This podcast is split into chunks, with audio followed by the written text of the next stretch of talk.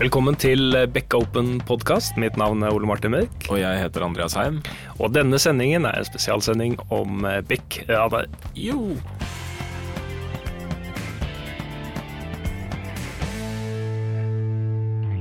Ja, Andreas, hvordan går det? Det går bra. Jeg gleder meg veldig til dagens sending, som er en radarspesial. Ja, det blir gøy. Ja, Du har jo også vært med å lage denne radaren, Ole Martin. Ja, sammen med Kristoffer og Vegard, som kommer etterpå. Um, som også er scientist i Beck. Mm. Så har vi ledet arbeidet med radaren, og så mm. har vi jo da fått uh, hjelp av hele teknologiavdelingen i Beck. Mm. Det betyr at vi kommer opp i en sånn liten bukken og havresekken-situasjon her. Så ja.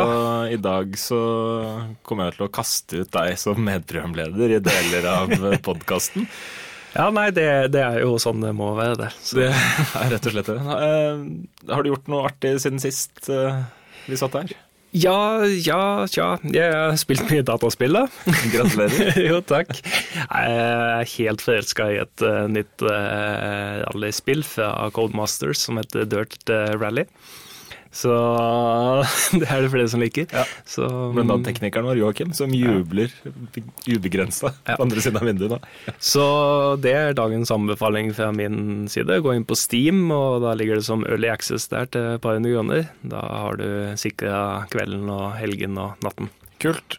Jeg har også spilt data i det siste, men jeg holder meg litt for god til å snakke om det i en yrkespodkast. Eh, jeg har lekt litt med Datomic i det siste, noe som jeg syns er, er veldig gøy. Nei, så det, det, var litt dårlig gjort. Eh, beklager det. Jeg var ikke klar over at uh, vi skulle den veien, men uh, da kan jeg jo nevne at uh, på prosjektet så har vi gjort noe veldig kult som henter alle bransjene våre fra Git. Mm. lager Jenkins-jobber for integrasjonstester, for enhetstester. deployer de bransjene til server som mm. vi booter opp, og tilgjengeliggjør de. Så det er ikke, det er ikke har gjort bare, noe fornuftig òg. Det er ikke bare dataspilling på det. Ikke sant. Det er bra. Dataspill til side. I dag er det jo Beck teknologiradar spesial som skal lanseres. Eh, den ligger ute på, med link på bloggen vår. Ja, eh, er ute nå når du hører dette. Uh, anbefaler at du går inn og kikker på den. Mm. kanskje høre på podkasten først. Kan jo nevne URL-en til bloggen. Det er openbekk.no, og så ligger selve radaren på radarbekk.no. Det blir kult. Men uh, nå skal jeg snakke med Vegard Hartmann, så da må du ta og legge fra deg hodetelefonene dine og komme deg ut fra studio. Ha det bra. Ja, jeg bare kjenner det skal bli godt å bli kvitt deg lite grann. ha det.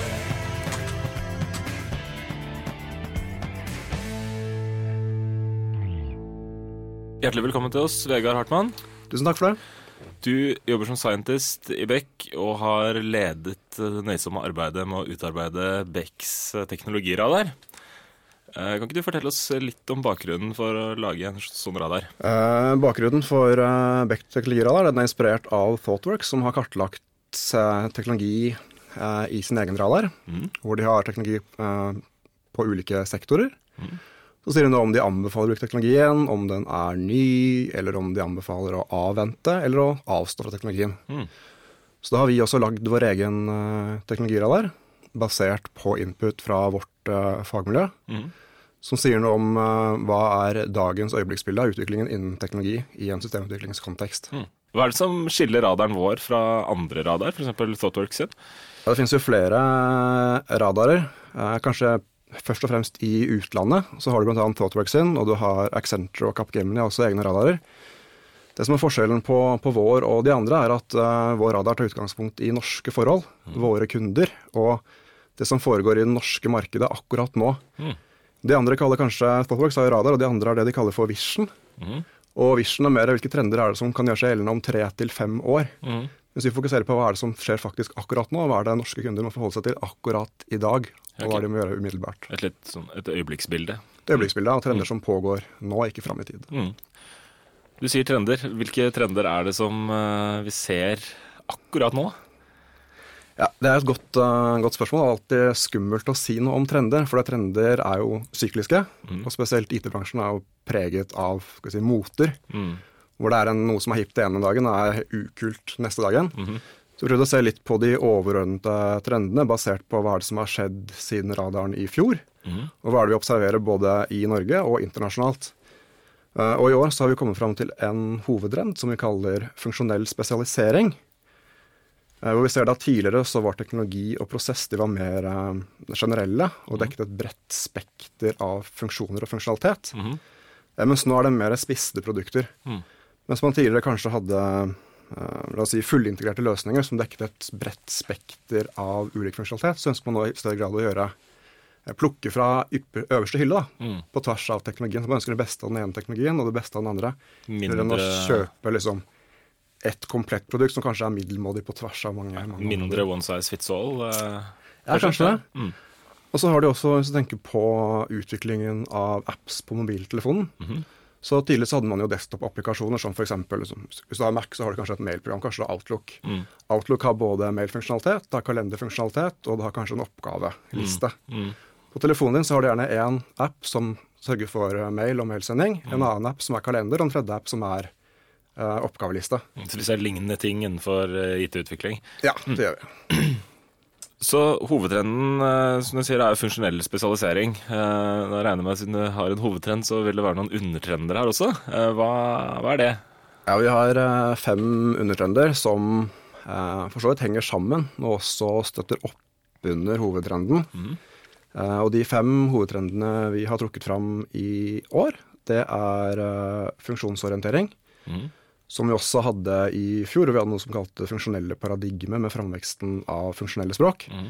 Nå ser vi at det også gjelder på andre områder, som f.eks. innenfor eh, forretningsområdet. Som har man gjerne funksjonelt fokuserte team som fokuserer på et forretningsprodukt eller et avgrenset område.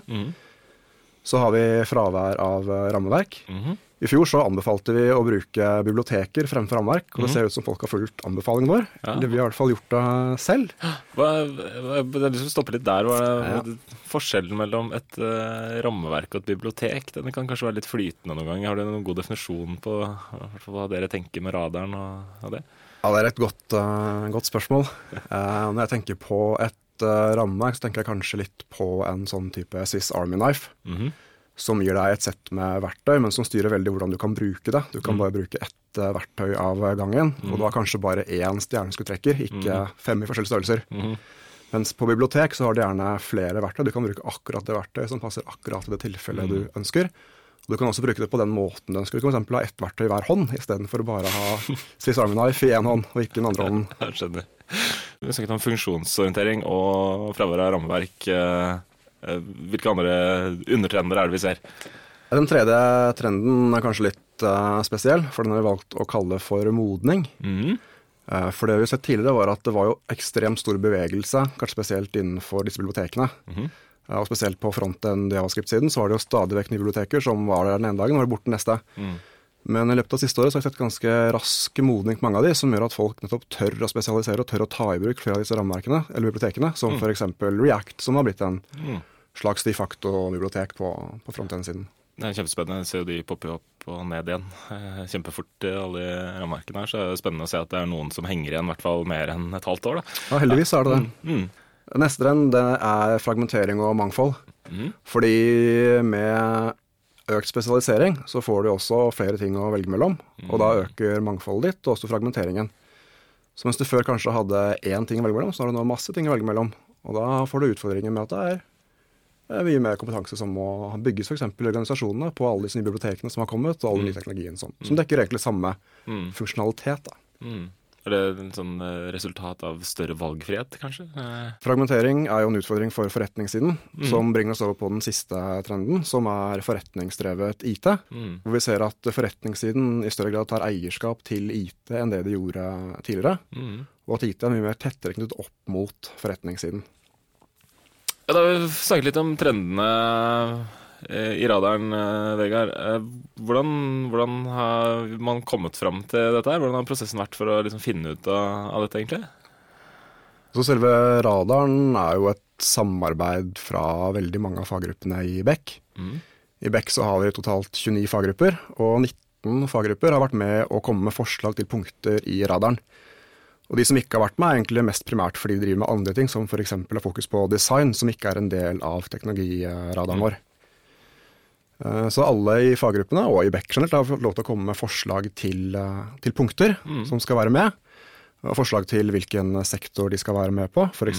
på frontend og mobil eller arkitektur og plattform. Og hvilket nivå de skal være, om vi skal anbefale å bruke det, eller om vi skal anbefale å vurdere det, eller om vi skal anbefale å ikke bruke det, altså avstå fra det. Er det, når man anbefaler å bruke noe, er det fordi man eh, aktivt bruker det i prosjekt, eller er det fordi man ønsker man kunne bruke det i prosjekt, eller er det kanskje en kombinasjon? Det er litt uh, begge deler. Eh, og Derfor så har vi også en redaktørgruppe som er med på å bestemme litt uh, hvor ting skal ende opp til slutt. Mm.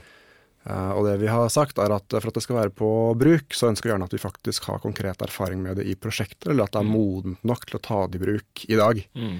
Hvis det er noe vi har lyst til å bruke som vi syns hadde vært kult, men som kanskje ikke er så moden, så hender det til å putte det på å vurdere, fordi man kan vurdere å ta det i bruk. Men vi vil ikke anbefale for den gjengse så norske firma eller virksomhet Uten i Uten å gjøre litt research på forhånd, kanskje. Ja. Mm. Men det er spennende. for Nå skal du bli med oss videre, Vegard. Skal vi få inn eh, to til eh, som har vært med å lage radaren. Skal vi snakke litt mer i detalj om eh, punktene i radaren. Så ikke eh, trykk på pauseknappen.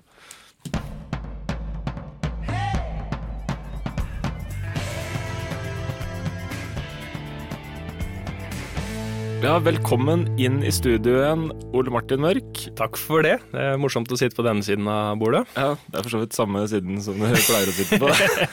det man føles kanskje litt annerledes nå. Det gjør det. Vi har fortsatt med oss eh, Vegard Hartmann. Det har vi. Ja. Og så har vi med oss Kristoffer Dyrkorn. Hei. Velkommen tilbake. Du var jo med forrige podkast også, Ja, ja. på samme stol. Det er fint å sitte her. Ja, så dette, dette blir gøy.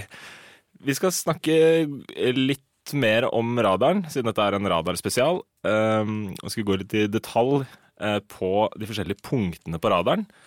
Eh, Vegard, du sa det var ca. 90 Det er 97 eller 98. Ok, Ca. 97 punkter. Ja. Jeg tror ikke vi rekker over alle, men jeg har i hvert fall fått kikke litt på de, så jeg mm, tenkte vi skulle, mm, skulle snakke om noen av de. Og En av de som jeg har lyst til å snakke litt om, det er et punkt som heter monitorering og hyppig deploy ut, eller istedenfor uttømmende testing. Ja. Hva menes med det? Har du lyst til å si noe om det, Ole Martin? ja. Nei, det som er med testing, eller uttømmende testing, er jo noe som Det tar jo veldig mye tid, og er ofte Hvis man ikke klarer å få automatisert alt sammen, så blir det mye repetitivt. Ja. Eh, og man, man, man klarer ikke å dekke over alt, da. Eh, og som et alternativ til å bruke veldig mye tid på testing, så er det eh, å ha gode monitoreringsverktøy da, og sørge liksom, overvåke produksjon og se etter feil der sånn, og ha mekanismer for å deploye hurtig eh, til produksjon dersom det oppstår feil. Egner dette seg for alt mulig, Vegard? Ja, Det regner seg i hvert fall for organisasjoner som er rigget for å bedrive kontinuerlige leveranser, som er å levere eh, lite funksjonalitet hyppig ut i produksjon Mm. eh, fortløpende.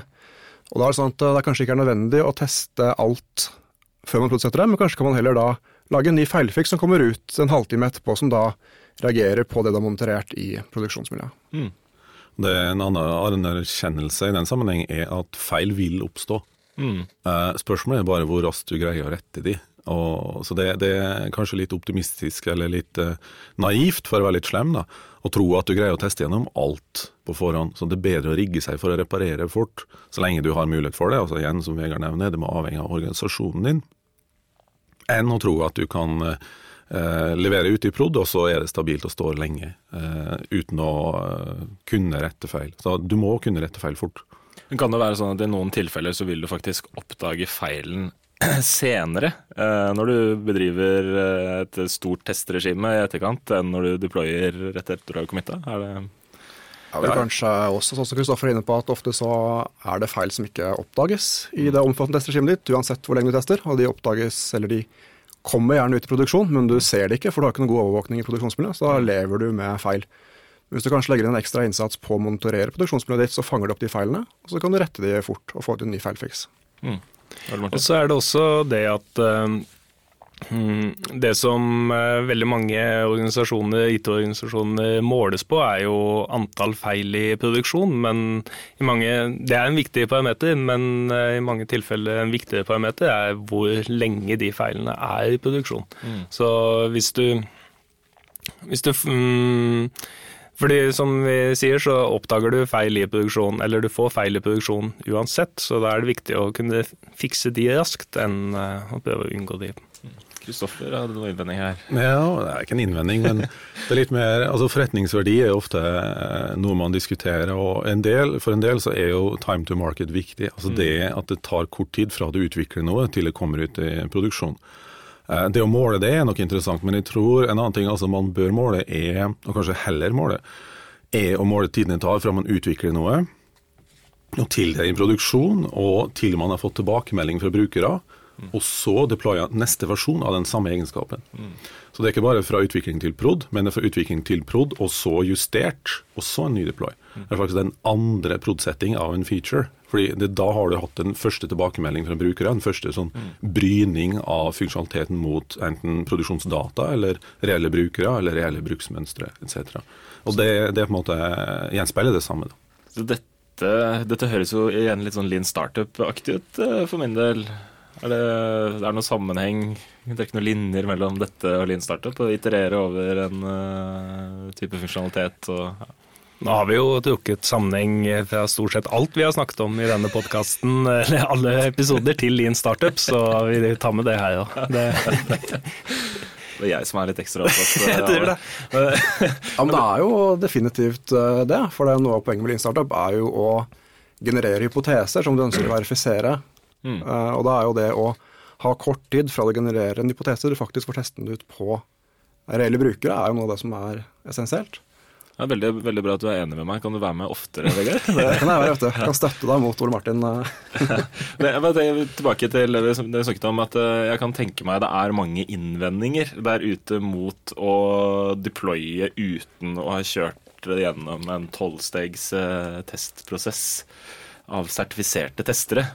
Ehm, det vil jo være noen eh, situasjoner og noen eh, prosjekter og noen, eh, noen apper og noen webapper og løsninger som har konsekvensene av feil i produksjonen er kjempestore. Altså type bank eller lignende. Da. Det vil jo alltid være spesielle tilfeller. Mm. Men på en annen side, som, som vært inne på tidligere, er det bedre å ha en feil som du vet at finnes i produksjon, og la den være der i månedsvis fram til neste produksjonssetting. Mm. Eller er det bedre å oppdage den fort med en gang oppstår i produksjon, og så mm. komme med en feilfiks med en gang? Det, vel, eh, det er vel også muligheter å stoppe systemet i produksjon også. at Legge inn mekanismer der for når man, når man, ser at det er noe som ikke stemmer, så skjøtter man ned og ruller tilbake. Er det noe ja. som ligger innenfor samme det er en del av det, del av det samme. altså Å måle det produksjonssystemet med alle mulige egenskaper det har. altså Det er ressursbruk, det er om data er gyldig, om input er gyldig, om output er gyldig, etc. etc. Eh, en annen ting som også er litt i samme gata der, er at du bør rigge for å kjøre løsninger eh, i produksjon, men uten at det er synlig for sluttbruker, f.eks. At du har et skyggeproduksjonsmiljø som tar imot alle de samme dataene som det ekte produksjonsmiljøet har og så kan du se hvordan løsninga da oppfører seg. Mm. Det kan være en slags produksjonstest eller en staging-test eller lignende. Mm. Det er ikke den manuelle testen, men det kan være et sted hvor løsningen kan liksom varmes opp og bli klar. Og du får en mulighet for å luke ut ting eh, som eventuelt skulle være veldig ille, uten at det blir synlig for noen. Mm. Nå er det lenge siden vi har snakket om Lean Startup, så jeg tenkte vi kunne snakke om et annet uh, punkt uh, på radaren. Det er uh, et punkt som vi anbefaler folk å avstå fra å bruke, og det er Scrum. Hva er galt med scrum? Kan jeg kaste scrum-master-hatten min nå? Vegard? Ja eh, Grunnen til at vi har satt eh, scrum på avstår, er fordi vi mener at for veldig modne organisasjoner så gir scrum veldig sterke begrensninger. Og det er kanskje ikke den mest effektive måten som man kan drive systemutvikling på i modne systemutviklingsorganisasjoner. Det er kanskje sånn som Lean Startup og Kanban bedre måter. Mm. Mens på den andre siden av, av spekteret så har du veldig uerfarne organisasjoner. Da er kanskje Scrum for komplisert å ta i bruk. Mm. Så Scrum kan kanskje, kanskje passe best for de som er sånn akkurat passe modne, mm. eh, og som eh, ja, så er det jo eh, La oss innse det. Scrum var kanskje noe som var hipt for eh, si fem, fem til ti år siden. Eh, nå har det kommet til andre ting, som type Lean Startup, som du er veldig favoritt av. Og Kanban og andre, andre metodikker som er bedre egnet til, uh, til kontinuerlige leveranser og utvikling av IT-produkter. Mm. Scrum skal jo i utgangspunktet støtte kontinuerlige leveranser, da, men bare i, med litt stor stor ledetid. Eh, men, men, tror dere grunnen til at Scrum har fått såpass stort fotfeste i norsk IT-bransje, er fordi det kommer med et sett med rigide regler som er veldig lett å følge og si nå skal vi ha retrospektiv, og nå skal vi ha standup, og nå skal vi iterere i to uker, og så ja, det er, det er, jo mange organisasjoner som er vant til å jobbe etter en prosjektmetodikk som har rigide regler, og da, mm. der passer jo Scrum perfekt inn. at det er jo Nei, du bytter reglene og jobber jo smidigere med Scrum enn eh, mye annet, eh, for all del. Mm. Så jeg tror også litt av eh, grunnen var at du får kortere iterasjoner. Det var kanskje det fristende. Samtidig var det noe som var kjent, og det var liksom prosessen fra en, en, oppgave begynte og til den var eh, ja, enten prodsatt eller testa eller noe sånt. Altså en mini-fossefallsmetode. Mm. Raskt fossefall, eller hva vi skal kalle det. Eh, for lenge siden, eh, altså for 15 år siden, og sånn, så var det jo, eh, begynte man med litt iterative metoder. altså RUP var jo noe som fantes, mm. eh, og som nå dømmes veldig mye nord og ned i dag. Men i sin tid så var det faktisk ganske revolusjonerende. Mm med da, iterasjoner på tre-fire måneder. og sånn. Mm. Så, så liksom, Tankegangen om iterative metoder har eksistert en god stund. Men nå begynner man kanskje å se at uh, iterasjoner må være så korte at det er ikke noe poeng å operere med iterasjoner lenger. Nei. Kontinuerlig flyt. Det er ikke noe som gjentas, det pågår hele tiden. Og Vi ser jo at de organisasjonene som har mest suksess med å jobbe smidig, de eh, lar jo også prosessen være smidig, så at eh, den tilpasser seg teamet, den tilpasser seg kunden, eh, den tilpasser seg det som skjer. Og Scrum legger ikke så stort til rette for tilpasning. Da. Det er en veldig rigid prosess. Ja. Det er et annet punkt på radaren som heter minst mulig prosess. Hvem har lyst til å si noe om det? Ja, Vegard er et kandidat her, ja. ja vel, kanskje som uh, Ole Martin er inne på med, med Strøm, så er det uh, veldig rigid, og det er veldig fokus på eh, prosessen og hva som er definert i prosessen, heller enn hva som passer i den konteksten man er. Hva, hva mener man med prosess her? Mener man regler, på en måte? Altså en eller mener man Ja, Kanskje overdreven fokus på ja. metodikken. At man mm. skal, Metodikken sier man skal ha iterasjoner som er to mm. til tre uker. Teamet mm. skal bestå av eh, fem personer pluss minus eh, to. Mm. Så kanskje det er bedre å ha en, en prosess som, som, tilpasser seg det som skal lages. Kanskje også eh, i kontekst av at vi ser en, en overgang fra klassisk prosjektgjennomføring til mer produktutvikling. Uh, og da igjen frontet av Lean Startup. Mm -hmm. Hvor man i større grad utvikler forretningsprodukter. Og det er det som står i fokus, heller enn den prosessen som brukes for å utvikle disse forretningsproduktene og forretningstjenestene. Kommer Lean Startup til å være liksom det som vi snakke om det som vi snakker om Scrum nå om ti år, eller at det blir kjipt? For da kjenner jeg at jeg blir litt lei meg. altså Det er jo en teori om at en del sånne trender er sykliske. Altså Det er en pendel som svinger litt hit og litt dit, og så finner man ut Altså Jeg tror heller å snu litt på det, så tror jeg at det vil komme noe nytt. Det vil komme noe om eh, tre-fire-fem år som vil være basert på de erfaringene man nå gjør seg, mm. og som vil være litt annerledes. Uh, så jeg tror man aldri kommer i mål med å prøve og feile uh, ulike metoder og finne fram måter å utvikle produkter på. Men Kommer man tilbake til fossefall på noe tidspunkt, tror du? Uh, for å si sånn, Jeg tror man aldri blir helt kvitt fossefall. Uh, det kommer veldig an på hvilke drivere man har i en organisasjon eller et prosjekt. Altså, For noen så er time to market viktig, for andre er det ikke viktig i det hele tatt. For noen så er troen på sekvensiell gjennomføring viktigere enn smidighet eller tilpasningsevne. Altså, eh, jeg tror prosjektledelse som sådan er, er, mye bredere enn bare det som handler om IT-prosjekter, og fossefall tror jeg alltid vil eksistere. Kanskje fordi du har helt andre måter å gjennomføre prosjekt på enn hva som er tydelig for IT-bransjen. Vi er jo der at vi, når vi programmerer, så kan vi endre på ting hele tiden. Mm. Uh, med fysiske gjenstander, bygge et hus etc., så kan du ikke endre på ting etter at det er bygd. Så er det jo sånn at man utvikler jo veldig forskjellige systemer. Noen jobber med apps på mobiltelefon, noen jobber med tilpasning av f.eks. SAP eller større IRP-løsninger. Og det er ikke gitt at den samme metodikken og samme prosessen egner seg for alle, alle tingene. da. Igjen inne på kanskje hovedtrenden, som er det med spesialisering. Du må også spesialisere på metodikken ut fra det du faktisk skal, skal gjøre.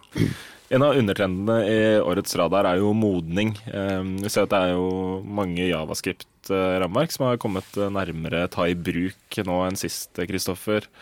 Eh, er, det, er javascript-rammeverk veldig utsatt for trender og hipsterness? Jeg tror ikke det er spesielt hipsterness som er greia, men det er veldig mange som prøver å gjøre mye eh, på frontend. Eh, så det, det, er liksom et område hvor det er veldig mye som kan gjøres ennå, så folk er veldig utforskende. Eh, frontend har egentlig ligget brakk eh, når det gjelder liksom de store tekniske endringene fra igjen lenge siden, eh, og fram til kanskje for fem år siden. Og så begynte man å innse at Javascript er et språk man må jobbe litt mer med. Javascript ble eh, interessant også for browserleverandørene, og de laga mye bedre javascript-implementasjoner. Det gikk raskere, CSS ble bedre, alt mulig rart. Og så har man tenkt som så nei, for å få utnytte alt det som går an å gjøre i nettleseren, så må vi hjelpe oss med noen bibliotek og rammeverk osv. Og, så og så har det blomstra veldig opp, og så begynner man å skrive veldig mye kode. Og så innser man at ok, det vi må gjøre er å ha god kontroll på den koden. Vi må teste den, vi må forstå bedre hvordan den oppfører seg, vi må ytelsesoptimalisere den osv. Alle de tingene prøver rammeverkene å hjelpe deg med. Så på en måte så, så, er det en gjentagelse av det som skjedde på serverside for ti år siden. eller noe sånt. Mm. Altså, man har skript, man har verktøy, man har rammeverk osv. Og, så og så er det eh, alltid slik at noen eh, vinner og blir stående, og andre liksom faller bort av, av, veldig mange forskjellige grunner. Det kan være politikk, det kan være tilfeldigheter, det kan være eh, ytelse, det kan være at noen syns dette er kult bare fordi noen sier at det er kult osv. Så, videre. så, så siden i fjor så, så, har vi liksom sett at det har vært en del som har falt bort. Um, Angular hadde veldig mange veldig mye tro på for et år siden. En, I en del sammenhenger så fungerer det veldig bra. Det har en viss terskel å lære seg, og så oppdager man at det, det har noen vorter, det også. Mm. Og Så ble det jo nylig eh, skrevet om ganske betydelig for uh, versjon 2, og da tror jeg også det er en del som bare sier nei takk for nå, fordi endringen er altfor stor når de skal oppgradere. Så det er litt sånn sensitivt å investere veldig mye i mye frontend-kode, men uh, du har kanskje ikke så mye valg uh, per i dag heller. Nå må du gjøre. Ja, er, det, er liksom det viktige når man, hvis man skal starte et nytt eh, prosjekt, webprosjekt nå, da, er, det, er det helt essensielt at man velger riktig frontend-rammeverk, eller er det viktigste at man ikke velger JSF? Ja, vi må bare skyte inn der, så da kommer vi jo tilbake til en annen uh, undertrend, altså mindre rammeverk. At mm. uh, det essensielle er også ikke binde seg på armer og bein ned i et rammeverk som du ikke klarer å komme deg ut av. Da. Heller mm. se på biblioteket, plukke best of breed mm. i, rundt det du har behov for. Og Heldigvis er det også sånn at eh, hvis du ser på en sånn teknologistack, så må du forvente å kunne endre det som er langt oppe i stekken, hyppigere enn det som er langt ned i stekken. Mm. Så ja, det blir en del kode, men ofte er det enklere å, eller relativt greit å kunne bytte ut det som er helt øverst. Litt avhengig av størrelsen på applikasjonen, selvsagt, men for å si det sånn, det, det må du regne med. Så, så, når du starter et eh, webprosjekt, du kan ikke tro på at det du velger i dag eh, vil være der og være like bra om et par år. Det må man liksom gjøre regne med.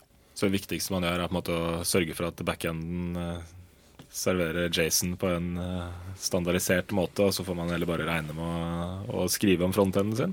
Det viktigste man gjør, er vel å legge til rette for endring. For hvis det er mm. noe som er sikkert, så er det at ting ikke er i morgen sånn som det er i dag. Mm. Så det å lage en arkitektur som uh, unngår for sterke bindinger, og som legger til rette for endring, det er det aller viktigste. Om det er på fronten, som er noe som er i veldig stor endring nå, eller om det er kanskje i persistenslaget mot databaser, så er det like viktig å kunne ivareta endringer der. F.eks. gå over fra en relasjonsdatabase til en grafdatabase til en dokumentdatabase, for da kan du også risikere å få endringer.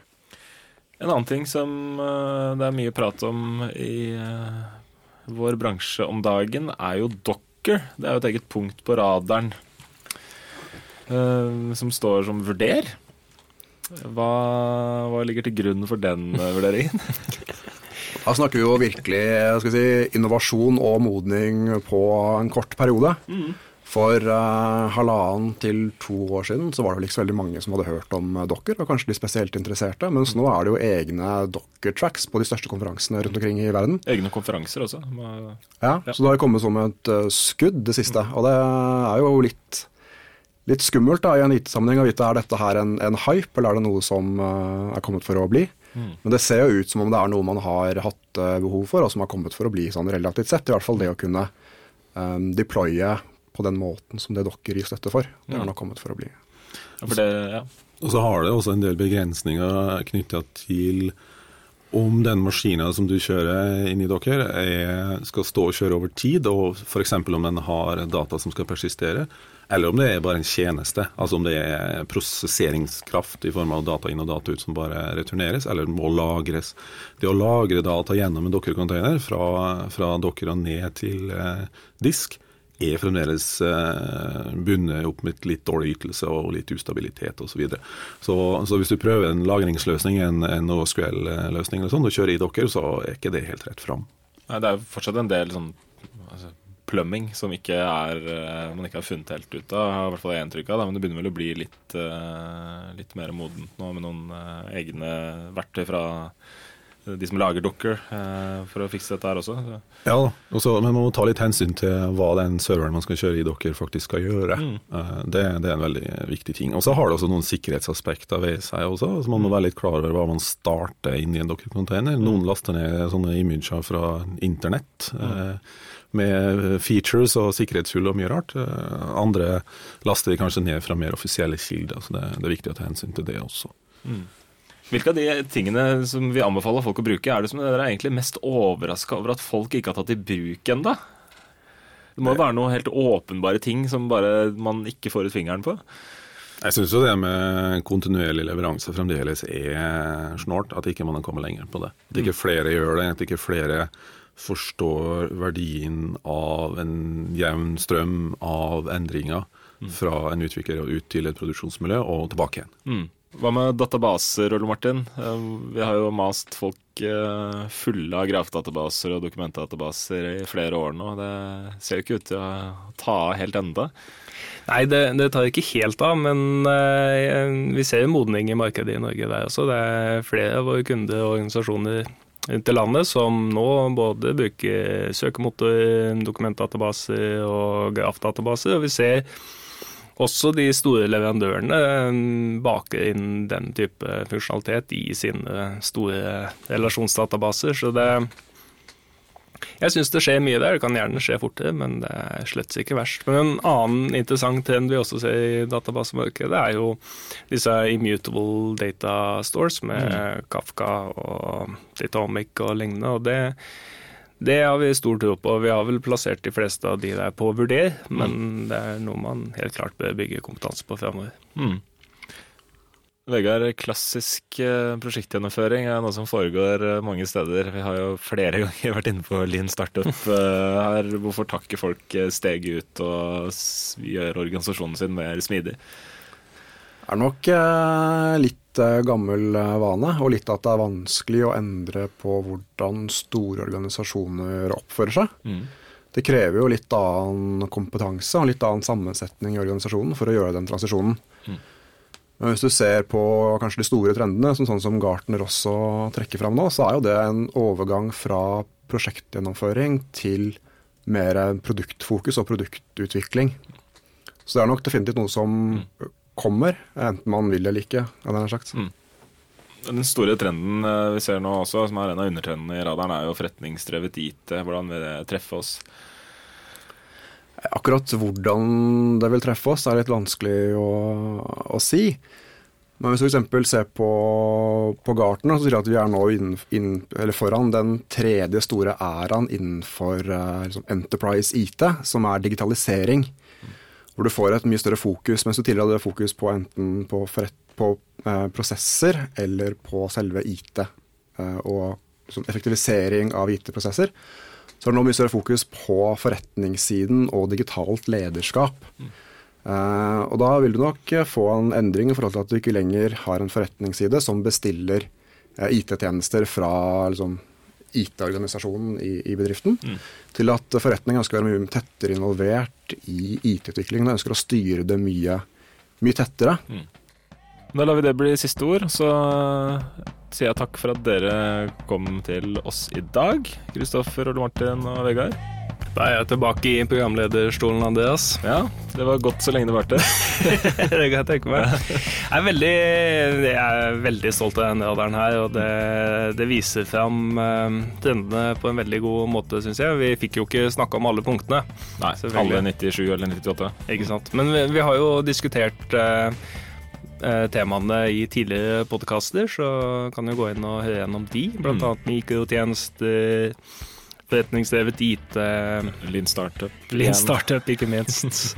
Internet of Things osv. Så, videre. så ja. de tidligere podkastene ligger jo på iTunes eh, og Soundcloud eh, skråstrek backup. Da har vi kommet til veis ende i dagens podkast. Takk for at du hørte på. Legg igjen kommentarer på bloggen og på Twitter. Vi er veldig interessert i å høre hva du syns om podkasten vår, og gi oss gjerne en anmeldelse på iTunes også. Og anbefale oss til alle vennene dine. ha det bra. Ha det bra.